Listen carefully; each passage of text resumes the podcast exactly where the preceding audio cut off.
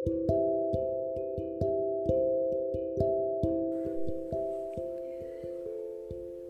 Syafi'i adalah salah seorang imam yang luas ilmunya dan saleh. Suatu malam, dia bertamu ke rumah Imam Ahmad. Dia pun kemudian menginap di rumah muridnya itu.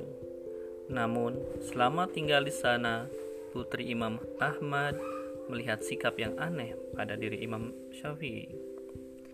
Putri Imam Ahmad mengadukan sikap Imam Syafi'i saat menginap di rumahnya. Katanya, setelah makan malam, Imam Syafi'i langsung tidur.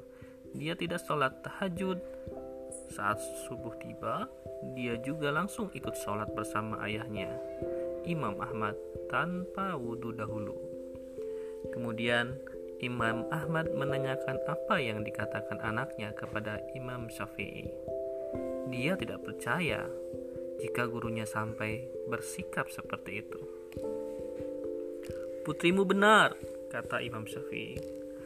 Namun kenyataannya tidak seperti yang dia lihat.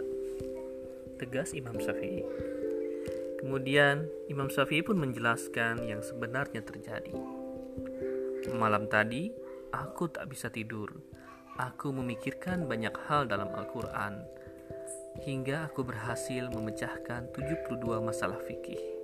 Karenanya aku tidak sempat sholat tahajud, terang Imam Syafi'i. Lalu salat subuh menjelang. Sebenarnya aku pun tidak sempat tidur. Saat itu aku masih memiliki wudhu.